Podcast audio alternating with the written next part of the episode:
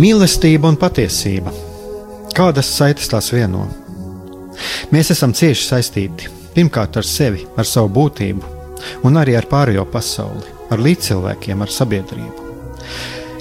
Kur ir mūsu vieta šajā pasaulē? Kā mums katram atrast savu patieso aicinājumu un vietu? Kā sasniegt savas dzīves piepildījumu, mīlestību? Kādi šķēršļi gan mūsu sirdī un prātā sastopamie, gan ārējie aizķēso mūsu ceļu pie Dieva? Šie jautājumi ir mūsu dzīves sastāvdaļa, svarīgi mūsu ceļā uz svētumu. Meklēsim šajā raidījumā kopā atbildes uz šiem jautājumiem. Ieklausīsimies, ko Dievs mums vēlas pateikt ar visu, ko sastopam savā dzīvē. Lai mūsu sirds un prāti atveras mīlestībai un patiesībai. Raidījums mīliet cits citu. Lai tam slavēts Jēzus Kristus, esiet sveicināti, darbie radioklausītāji. Studijā esmu Aigās Brīsmanis, un šis ir raidījums Mīliet cits citu. Un eh, šodien mēs turpināsim to tēmatu, ko mēs bijām sākuši pagājušajā nedēļā, un cerēsim, ka šoreiz šī mūsu pazemības skola būs vieglāka, un e, mums nebūs vairs sakaru problēmas, jo mēs turpinām sarunu ar e, mākslas pētnieku Denisu Hanovu. Un e, iepriekšā reize saruna mums noslēdzās ar to, par šīm tendencēm, kas bija pirms 15. maija Latvijā un, un arī parlamentārās sistēmas krīzi, un par to, cik ļoti bīstamas situācijas var veidoties sāsinoties sociālajām problēmām, nabadzībai. Un kad tajā brīdī eh, cilvēki var ļoti bieži tikt apmānīti caur populistiskiem saukļiem. Un, un tagad mēs tāpēc arī turpinām šo sarunu, kura mums tehnisku apstākļu dēļ tika pārtraukta. Sveicināts eh, profesor Kungs, vai jūs dzirdat mūs? Jā, sveicināties, jūs ļoti labi dzirdu. Labdien! Jā. Tad turpināsim varbūt arī mūsu sarunu ar, ar šo jautājumu, ko arī uzdevu un ko mēs nedzirdējām pagājušajā reizē par šiem režīmiem. Es uzdevu jautājumu toreiz, kādas bija režīma atšķirības, ar ko atšķirās, piemēram, režīms Itālijā, nacistiskajā Vācijā, Padomjas Savienībā un tad šie Austrumēropas režīmi, jo, piemēram, šajā grāmatā 15. māja Latvija, kas iznāca, kur kuras izdošanu vadīja profesors Idnesis Feldmanis, bija ir tāda frāze: nebūs pārspīlēts, ja apgalvosim, ka Ulmaņa režīms bija pats autoritārākais Baltijā un visā Austrumē Eiropā. Bet eh, kā vispār šie režīmi, ar ko viņi atšķīrās? Es domāju, ka uh, varbūt es sākšu tomēr ar kopīgo. Kopīgas iezīmes ir tas, ka um, šie režīmi noliedza demokrātisku tātad uh, vāras formu, Tātad dažas valstis pat vēl pastāvēja kaut kas līdzīgs parlamentam, protams, bez īstenībā suverēnas vāras un ar ļoti, ļoti šauru tādu formālo rīcības spēju, bet, nu, Latvijas gadījumā parlaments tātad bija atlaists, saima vairāk nefunkcionēja, un autoritārie režīmi atšķiras no totalitāriem visdrīzāk tā ir pakāpe, kā šie režīmi caurstrāvo sabiedrību. Tāpēc arī totalitārisms saistīts ar tātad iedzienu totālais, tātad visaptverošais, visur klātiesošais, jo totalitārie režīmi cenšas, cik no vien iespējams, maksimāli caurstrāvot ar sevi, ar savu ideoloģiju visu sabiedrību. Tātad tā ir principā, cik no vien iespējams, totāla kontrole, vēlme izsekot Tātad, ko dara iedzīvotāji, ja ir iespējams, un mēs zinām, kā antiutopija literatūra Orvelā vai Huxley romānos tas jau bija panākts, tad teikt, ieiet cilvēku prātos, smadzenes un ieraudzīt, ko viņi domā, vai jebkura gadījumā masīvi ietekmēt domāšanu. Jo, ja jūs atceraties Ribakova romānu triloģiju Arbāta bērni, kas arī ir uh, filmēts kā seriāls, tad uh, jūs noteikti uh, atcerēsieties gan pašā romāna, gan filmā to visur klātiesošo radio, tādu tā melnu tīvi, uh, kas, nu, principā gandrīz nav izslēdzams, un visu laiku raida vai nu optimistiskas dziesmas par revolūciju, vai arī tātad neskaitāmas valdības runas. Un kad mēs ar kolēģi veidojam grāmatu par, par Ulmaņa režīma kultūru, tad mēs arī atradām uh, vairākus arhīvu materiālus par to, ka, piemēram, pagastu administrācijas pieprasīja tos skaļruņus un dažādas citas tehniskas ierīces, lai varētu tas uzstādīt kaut kur ciemata vidū, kādā, nezinu, atklātāja laukā vai kaut kur tur pie stābiem piestiprināt vai pie veikaliem vai pie transporta pieturas, lai varētu tātad translēt um, runas no radiofona. Atcerēsimies, ka pats Ulmanis arī bija tāds paties mediju diktators. Viņš uh, ne tikai ieveda cenzūru, bet arī ļoti labprāt uh, izmantoja medijus. Arī tā laika populārāko mediju um, radio, jo radio, protams, uh, vairākas vietas cilvēkiem bija tāds tā kā greznības uh, priekšmets un vienlaicīgi arī fascinēja. Un vēl viens aspekts, protams, ir kinohronikas, ko izmantoja visi režīmi. Šeit ir tas kopīgais. Atšķirīgais tātad autoritārisms ir, mm, varbūt, ja vispār var minēt šādu iedzienu vai to lietot mazāk asiņains, respektīvi es neatceros, vai tas ir palicis mūsu saruna vai nē. Hanna Arente minēja, ka Baltijas režīmi bija tā saucamie vecmodīgāki, ja, un ar to viņi atzīmēja tieši, tā teikt, šis asiņainas vajāšanas vai terorā neesamību, vai arī, ja citādais tika vajats, tad ne masveidā, ne ar koncentrācijas nometnēm, bet, nu, lūk, mēs redzam tagad, ka Strandas uh, kungs jau ir izpētījis to, ka šādas nometnes dažādiem uh, vargiem, slimiem un nosacītī cilvēkiem, uz skatu šķībi un nepieņemā, jau bija plānotas. Uh, tā kā ministriem jau bija, uh, tā teikt, šādi, uh, šāda informācija pieejama. Tā kā mēs redzam, ka, nu, zināmā veidā vārdarbība vienmēr ir šādu režīmu rokraksts vai, vai darbības stils. Mēs tad varam runāt kaut ko par tādu kā egēniku šajā gadījumā. Ļoti populārs virziens dažādos režīmos, un atkal jāsaka, ka, tā teikt, saknes tam ir Eiropā jau 19. gadsimtā esošais sociālais darvinisms, kas šajā ziņā, tā teikt, pārceļ priekšstātus par, tā teikt, stiprākām, veselīgākām sugām no dzīvnieku pasaules uz cilvēku kolektīvu, uz cilvēku kopienu, uz sabiedrībām. Un šajā ziņā Eugēnija bija tādi apgriezti vai, manuprāt, absurdi sapņi par labāku cilvēku. Un ja mēs skatītos, piemēram, 19. gadsimtā Eiropas kultūra un arī 20. gadsimtā varbūt tekstos pirms Pirmā pasaules kara, tad šis arī jaunības ideāls jaunais, skaistais ķermenis, atkailinātais ķermenis bija arī saistīts ar tā laika mākslas procesiem, ar mēģinājumiem nu, kaut kāda veida atjaunot mākslas valodu, sevišķi stelniecību no tādiem buržuā um, gaumes vai no, no mietpilsonības, tas pats grāfs Keslers un vairāki citi, uh, Majols un, un Rodēns un tā tālāk, respektīvi vairāki cilvēki Eiropā centas um, un, protams, arī izmantojot Nīčes filozofiju, atjaunot Eiropieša ķermeni, tā teikt, pārnesta nozīmē. Un tas tāds vēlākais, varbūt radikālais kustības vai arī konservatīvajā virzienā ir pieņemis šādas formas, kur pēc būtības, nu, šis ir senais fausta sapnis kaut kāda veida, bet apgriezt un, un ar šausmīgam sekām. Bet, jā, šādā, šādi priekšstāti bija noteikti ļoti populāri.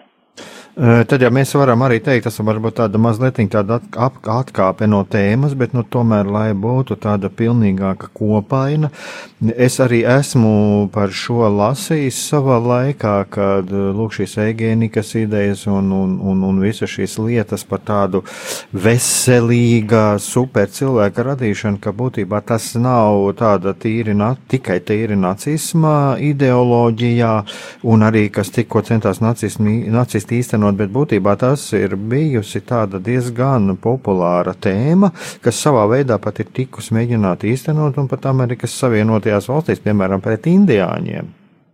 Jā, es jums piekrītu, kā es arī minēju, tik tiešām tas nav jāreducē uz nacismu.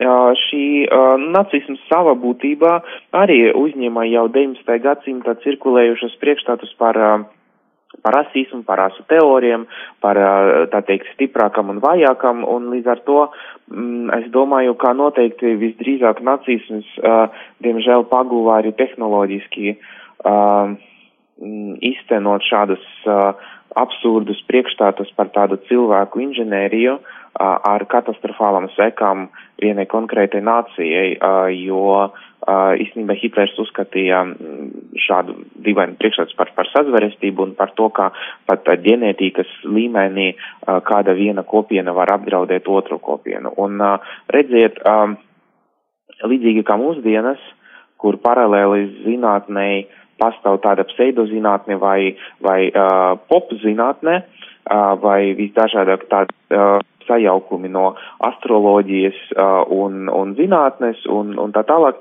tad arī toreiz uh, Eiropiešus fascinē tas, kas nebija zināms un saprotams, un uh, šī aizraušanas ar, uh, ar dažādām kopienām un kultūram nu, jau norisinājās īstenībā jau uh, koloniālisma perioda, tā saucamais, tā teikt, balta cilvēka uzdevums, jā, mm, tā teikt, civilizēt, pacelt, attīstīt, nu, mūsdienas mēs saprotam, ka tas bija arī, zināmā veidā, mm, iegans tam, lai nežēlīgi eksploatētu šīs kopienas, un, un šī eksploatācija īstenībā turpinās joprojām, bet toreiz tas bija tāds ļoti, ļoti bīstams sajaukums, kur savijas, teiksim, varbūt labējā, labējais populisms, uh, šīs uh, rasisma teorijas, bailes no tāda, kas nekad un nekur nav pazudušas.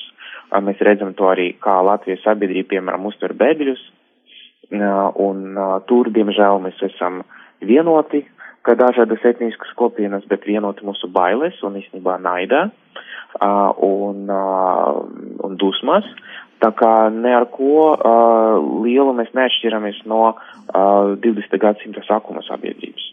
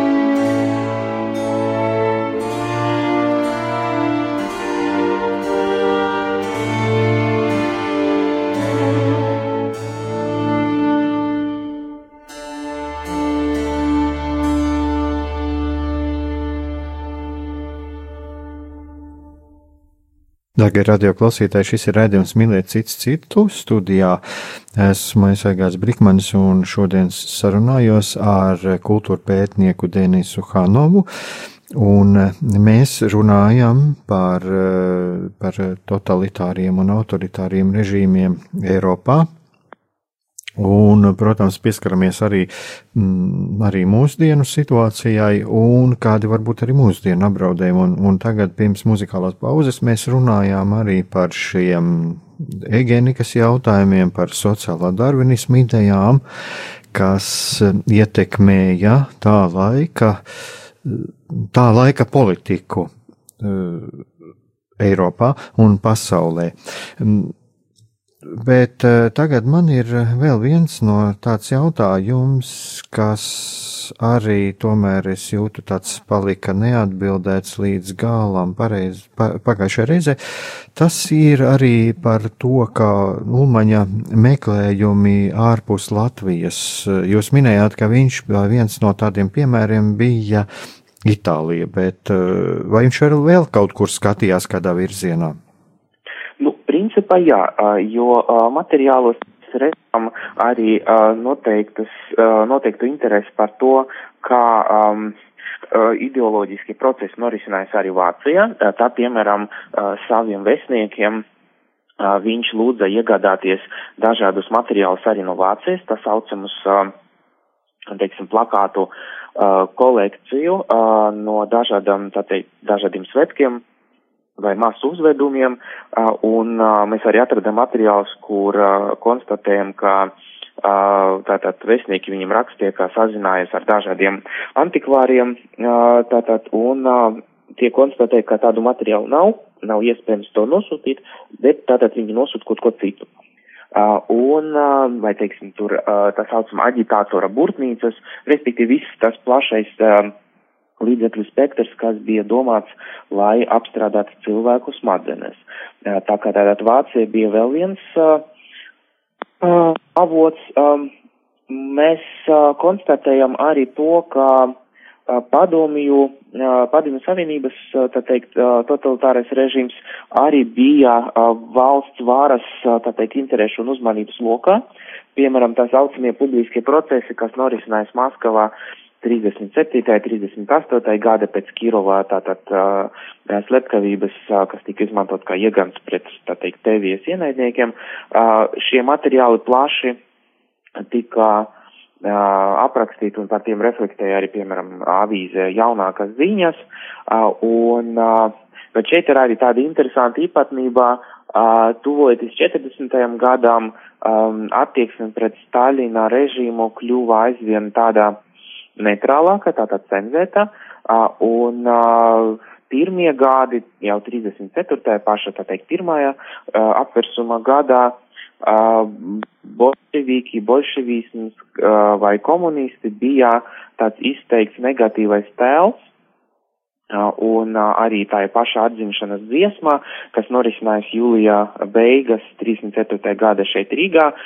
Bolševiki ir tāda politiska kakofonija, tā mm, baiļu avots, kaut kā tāda politiskais haos, un arī šie publiskie procesi Maskavā tika uzskatīti par tādu nu, principā vārdarbības vai arī cilvēku iznīcināšanas tādu šausminošo masku balli, jā, kur bija rakstīts, piemēram, kā apbrinojumi, kā ieslodzītie vai uh, tie, kas tiek notiesāti, paši sacenšas, uh, kurš uh, būs vainīgāks, jā, ka viņi paši, tā teikt, uh, cenšas apliecināt, ka viņi ir vainīgi, kaut kāda vāja cerība, ka varbūt tas glābs viņu dzīvi, bet, kā mēs zinām, tas, uh, te, teiksim, tas, tas nenotika.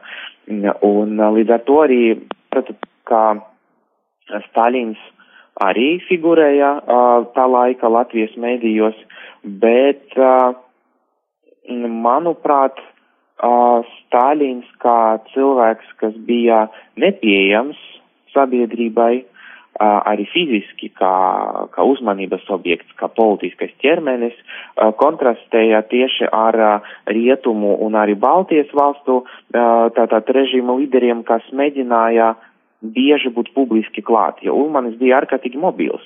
Ar, ar atvērtu mašīnu, ar kabriolētu viņš ir apbraukājis novadus vairākas reizes un mm, visu laiku centas arī kontaktēties ar cilvēkiem, tātad ieskaitot arī bērnus, un mēs redzam arī arhīvu materiālus, kur viņam tur ceļ godā vārtus un triumfālas ārkas.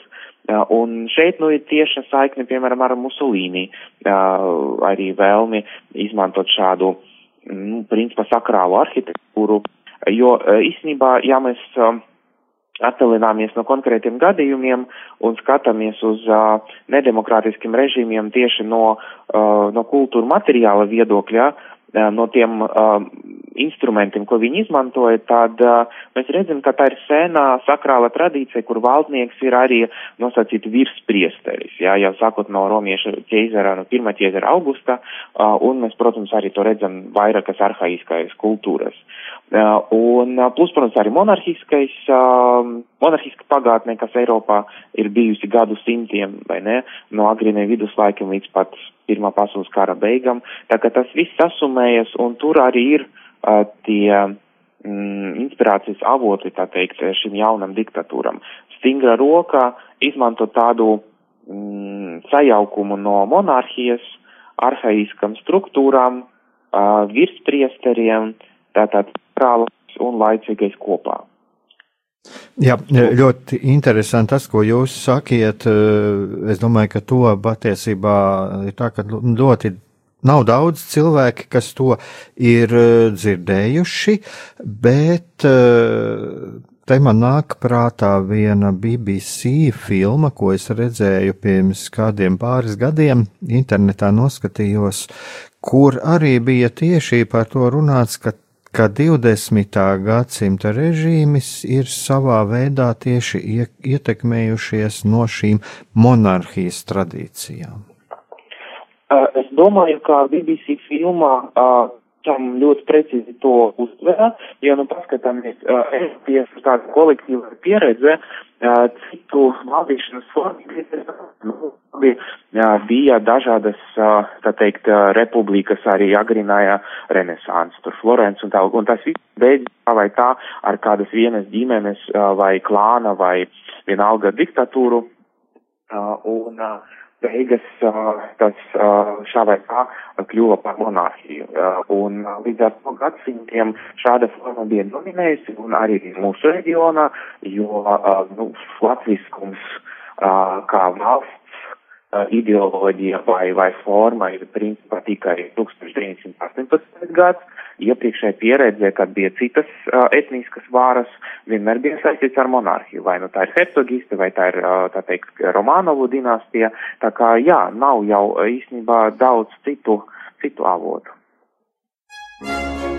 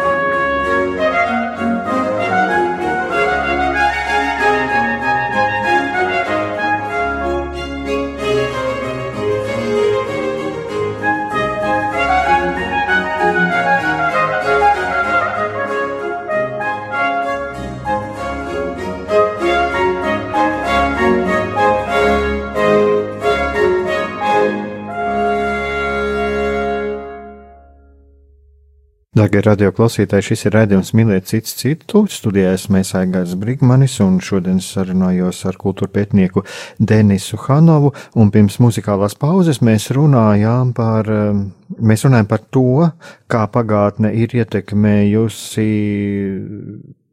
ietekmējusi rašanos.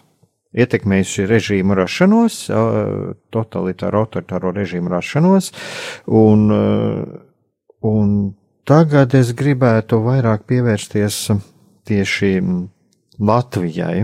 Latvijai šīm 15. māja eh, režīmam. Un eh, atkal tieši par šo propagandu eh, Kādas bija šīs uzrunāšanas metodes vēl? Protams, radiofons, es domāju, ja būtu televīzija, tad tas arī tiktu izmantots, tiktu izmantots internets, ja tajā laikā būtu.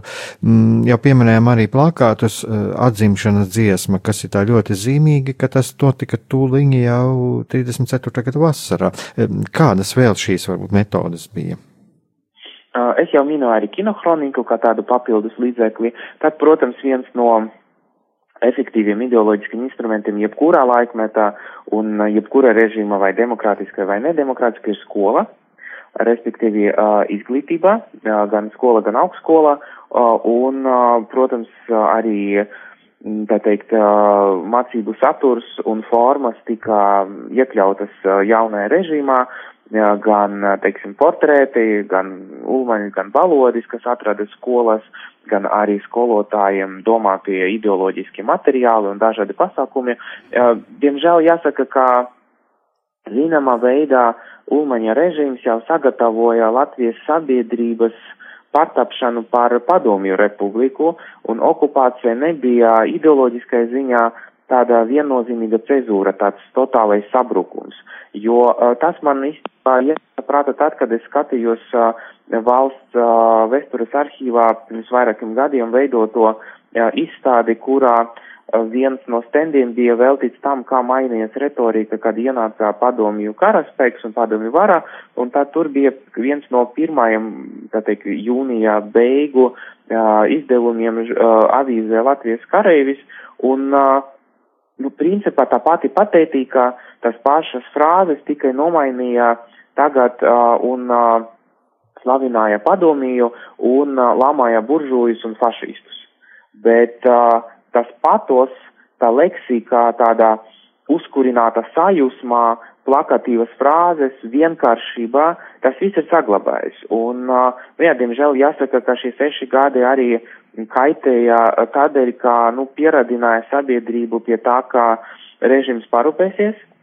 Daudziem, protams, arī režims bija nepopulārs. Ir vairāki kolēģi, kuru ģimenes bija nu, tāds divējādi attieksme pret uh, šo režīmu. Varbūt zemnieki vairāk to atbalstīja dēļ ekonomiska izrāviena, izlaicīgā, pilsētnieki bija skeptiskāki, bet, uh, nu, būsim godīgi, šī, šī vēlme pēc stipras rokas tomēr bija masveida fenomens, un nebija tā, ka viens ulmanis tur visu ir uh, pārtraucis, visu ir aizliedzis, un mēs tikai esam cietuši. Nē, uh, jebkura režīma piedalās režīma nesēja vai arī objekti, mēs sabiedrība. Uh, un, uh, nu, lūk, tātad uh, es jau minēju izglītību un uh, arī uh, tātad um, šādus uh, instrumentus, kas ir saistīti ar to, ka, nu, pēc būtības mēs paši ja, piedalāmies, atražojam. Un uh, jau minētā atzimšanas dziesma kļuva par tādu, es pat teiktu, šablonu, pēc kura veidojas uh, neskaitāmie citi svētki.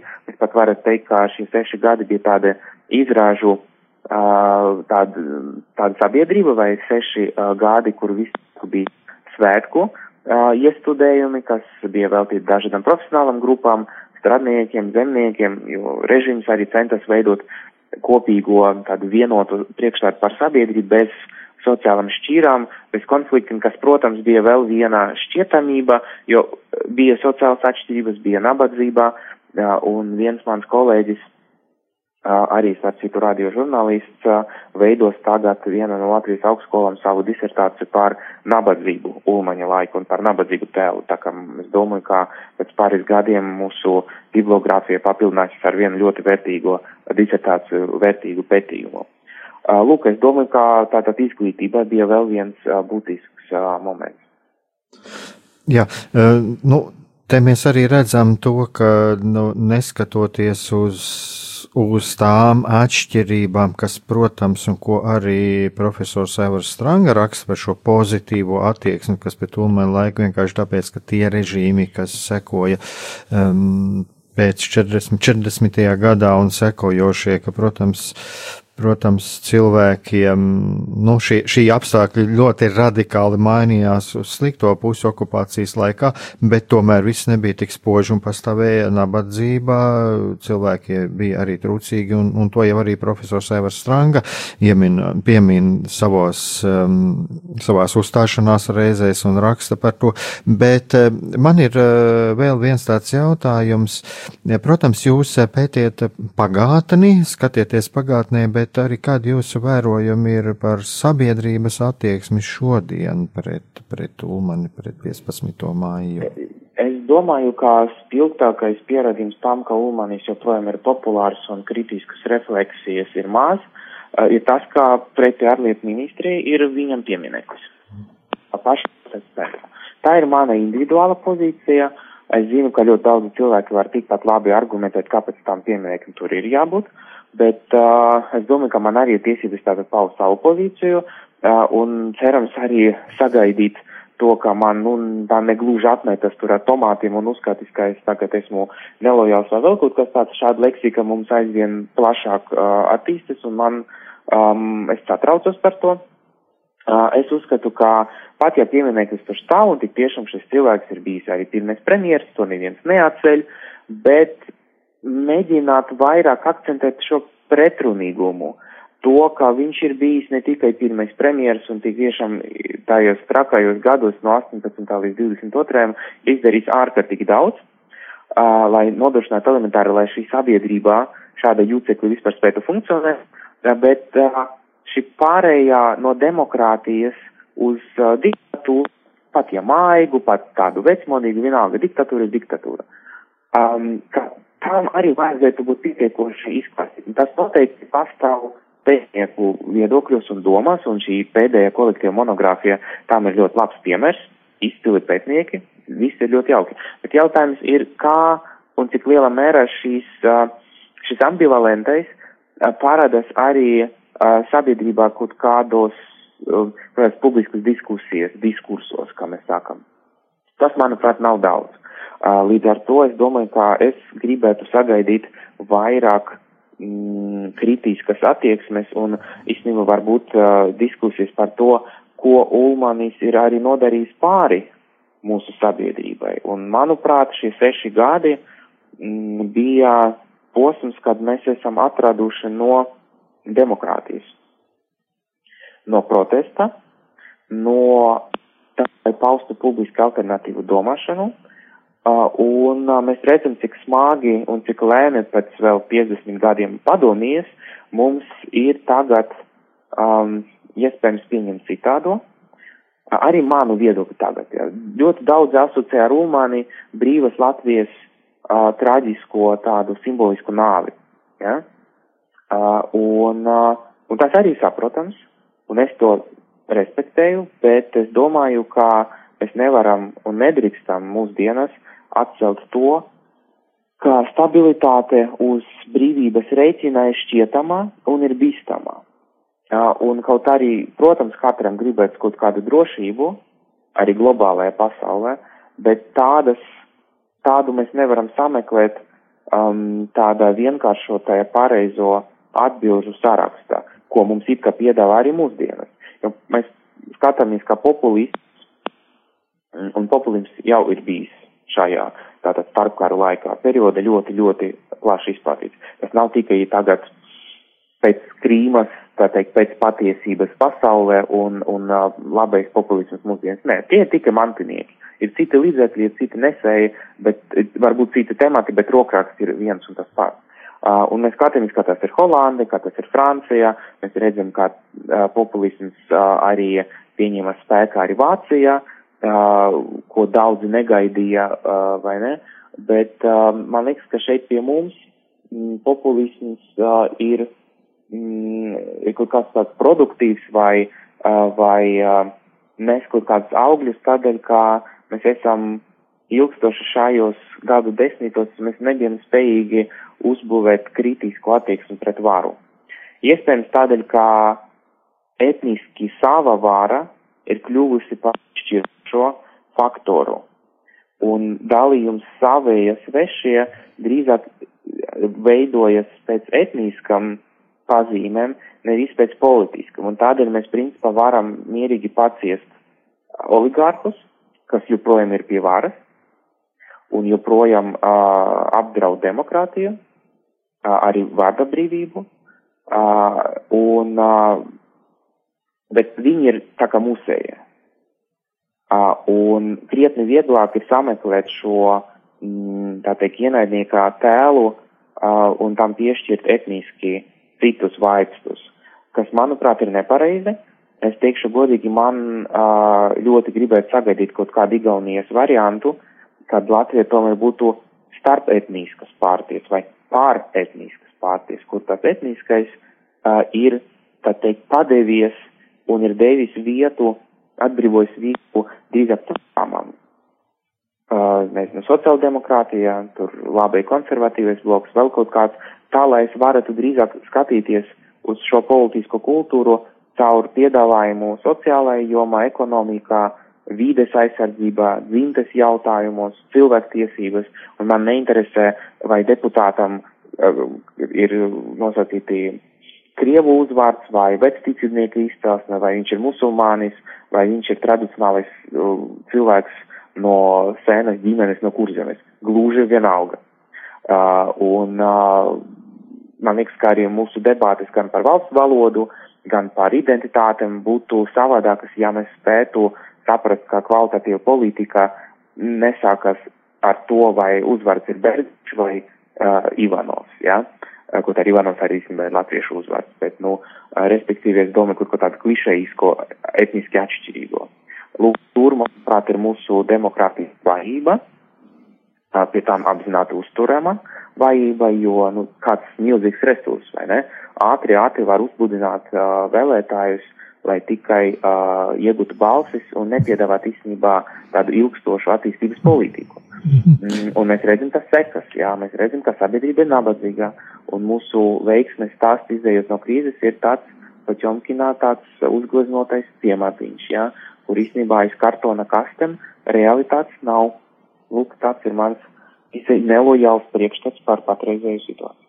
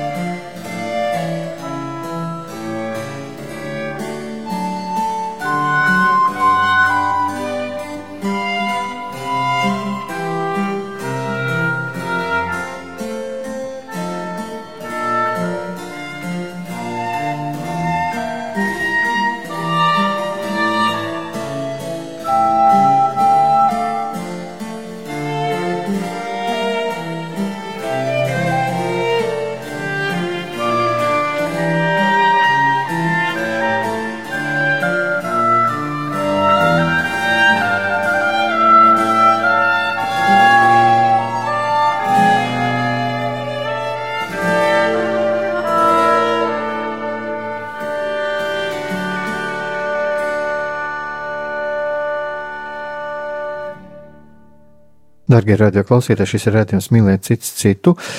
Studijā esmu Egārs Brīsmanis, un šodien es sarunājos ar kultūra pētnieku Denisu Hanovu. Un eh, mūsu raidījums jau tuvojas noslēgumam. Eh, eh, es gribētu tādu, teiksim, tādu kopsavilkumu. Būtībā jau ir tas, uz ko jūs aiciniet, tas ir objektīvi, patiesi skatīties uz vēsturi un, un arī šos vēstures pagātnes notikumu gaismā pavērtēt arī šodien, lai izvairītos no tām traģēdijām, ko mēs esam piedzīvojuši pagātnē. Un tā nav tāda, kā, teiksim, vēršanās pret Ulmani, bet vienkārši jebkuru personību izvērtēt objektīvi. Es tā to saprotu. Es domāju, ka vismaz man ir skeptisks priekšstats par iedzienu objektīvi. Es domāju, ka m, mm, šī cerība jau būtu jauka, bet objektivitāte uh, absolūta nav sasniedzama, bet varbūt var tai tuvoties. Uh, izmantojot iespējas paraudzīties uz vienu un to pašu personību no dažādām uh, dažādiem, tā teikt, skatu punktiem, ieraudzīt dažādas dimensijas, varbūt pieaicināt dažādus avotus, uzdot mērķus jautājumus, kas varbūt arī pētniecībai nevienmēr ir labi, jo it kā apdraud kaut kādu skaidru pētniecisku struktūru, bet šaubas, mm, kad es veidoju savus pētījumus, man brīžiem uh, uznāk tāda vēlme uzdot sev pašam jautājumu teksta vidū, kas it kā noliektu visu to iepriekš, ko es tikko esmu uzrakstījis vai varbūt iepriekš. Un uh, es saprotu, ka tas ir ļoti, tas rosina domāt tālāk un uh, mēģināt, mm, vai drīzāk nemēģināt attaisnot ar uh, 50 padomju smagākiem, traģiskiem okupācijas gadiem, kas iznīcināja tik daudz dzīvību, sapņu, cerību, mm, likteņu, neataisnot to, par ko varbūt mums kā nācijai nu nav iemeslā lepoties. Proti ar to, kā arī mums bija nedemokrātiskais režīms, kā arī mums apturēja parlamentu, kas nebija vienkārši tāda pļapašanas kantoris, bet bija mūsu dažādības, mūsu tiesību nu, telpa, kur mēs varam, tā teikt, pieteikt dažādus savus viedokļus. Tā kā, respektīvi, pats attiecas arī uz to, ka sabiedrība, manuprāt, joprojām nav pietiekoši intensīvas debātes par mūsu atbildību uh, dažādu citu kopienu priekšā, kur Latvijas iedzīvotāji piedalījies šo cilvēku iznīcināšanu un ir par holokaustu. Ir vairākas iniciatīvas arī valsts līmenī, bet es domāju, sabiedrībā nekad nav par sliktu pieņemt, kā arī mēs esam līdzatbildīgi, kā arī mēs bijām ne tikai upuri, bet noteiktais apstākļos skaidrojot to. Tā tālāk bijām arī noziedznieki.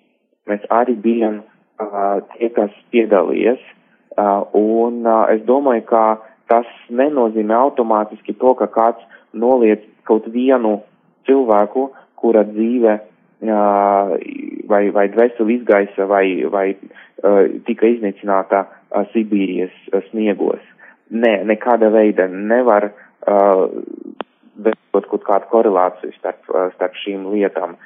Upuris var būt arī noziedznieks, bet tas neatceļ nevienu cilvēku dzīvi vai dzīvības vērtību, kas gāja bojā cita režīmā. Un es domāju, ka tas tādā veidā mēs arī varam apliecināt, ka mēs esam, es teiktu, tāda pilngadīga nācija, galu gala valstī, nu jau drīz simts. Uh, un uh, tas, protams, ir viens mieklis vēsture, bet uh, es domāju, ka par šiem 25 gadiem mums uh, ir jāsaprot, ka mēs esam daļa Eiropas, kas ļoti, ļoti mainījies kopš brīžā, kad mēs to Eiropu pazaudējam 40. gadā. Liels paldies jums par sarunu. Atgādināšu, ka šis ir raidījums, kurš jau tagad tuvojas noslēgumam, raidījums mīliet cits citu, un es eh, sarunājos ar kultūru pētnieku Denisu Hanovu, un eh, šeit man viena tāda lieta, kas, ko es tā eh, dzirdēju, un kas man tā ļoti palika tādā, tādā iespaidā, tas ir tieši jā par šo ka patiesībā mēs nevaram būt pilnīgi objektīvi, un tieši tā, kā es kādreiz arī saku, pētnieks vai filozofs, es drošāk esmu par šo cilvēku tad, kad viņš sava darba beigās atstāja jautājumu zīmi, jo atzīt patiesību nenozīmē to, ka mēs zinām visu patiesību. Un es vēlētos tieši ar to arī noslēgt šo raidījumu, paskatīties patiesības gaismā uz to, bet patiesībā ir jāmeklē, paskatīties tātad šajā patiesības gaismā, censties paskatīties patiesības gaismā uz savu, uz savas tautas pagātni un būt objektīviem, vairāk pašiem pret sevi un arī kritiski paskatīties, un kādreiz arī mazliet pašaubīties par to, kā mēs redzam to, kas notiek, kas ir noticis un kas notiek šodien mūsu sabiedrībā, jo tās ir tādas veselīgās šaubas, kas mums liek arī kādreiz pārvērtēt savus uh, savu redzējumu, un tikai tādā veidā mēs arī varam šai patiesībai pietuvoties, jo cilvēks, kurš apzinās, ka viņš kaut ko nezina, tad viņš arī cenšas šo patiesību noskaidrot. Un atkal es vēlos šo redzējumu beigt ar Jēzus vārdiem, un jūs atzīsiet patiesību, un patiesība darīs jūs brīvus. Liels paldies profesoram par sarunu, liels paldies arī Gintaram, Markam, Heidemanim, kurš mums šeit tehniski palīdzēja un, un glāba šo situāciju, eh, palīdzēja nodrošināt eh, sakarus un, un visu pārējo. Paldies arī par, eh, par jūsu sarunas stilu. Tā kritika un šaubas un, un iespēja paskatīties no ārpuses ir, man liekas, tiešām ļoti veselīgi. Mm. Uh, un jā, jā, es izbaudīšu sarunu, tā kā es pateicos, un tad, uh, lai jums mierīga un silta diena, kur arī diezgan augsts ārā. Jā, liels, liels paldies! Un uh, uz sadzirdēšanos nākamajā nedēļā, un lai mūs visus pavada Dieva žēlastība.